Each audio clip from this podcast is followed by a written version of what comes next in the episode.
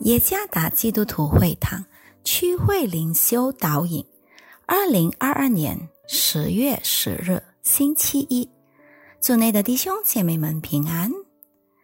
今天的灵修导引，我们将会借着圣经以西结书第三十六章第二十七节来思想今天的主题：心灵。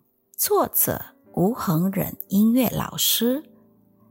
以西结书第三十六章第二十七节：“我必将我的灵放在你们里面，使你们顺从我的律例，谨守遵行我的典章。”“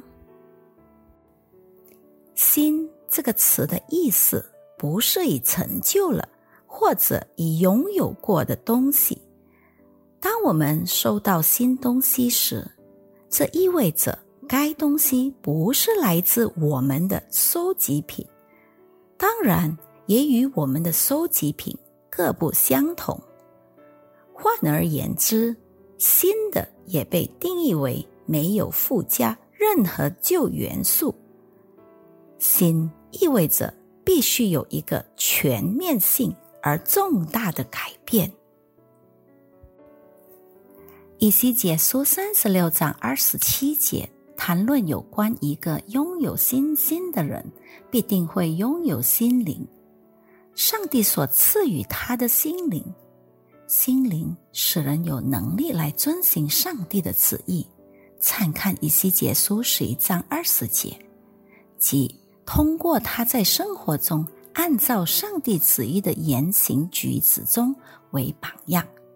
参看以西结书三十六章二十七节，以及罗马书第七章第六节。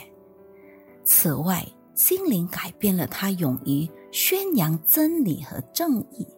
参看历代志下二十四章二十节，以及以赛亚书第二十八章第六节，以及使他越来越认识永生的上帝。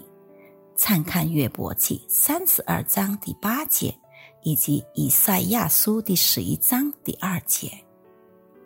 拥有心灵意味着不再让自己被肉体的情欲束缚。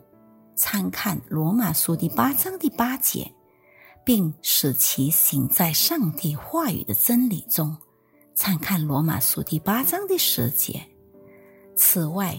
他的生活本着殷勤服侍上帝，参看罗马书十二章第十一节，而生活不再失去盼望，因为他全然倚靠并盼望着使人有真正盼望源头的主耶稣。参看罗马书第十五章十三节，他的生命透过心灵就结出了圣灵的果子。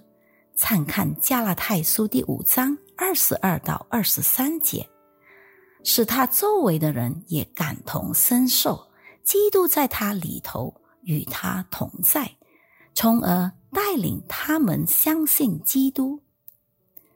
只有从实际行动中，才能观察到新变化。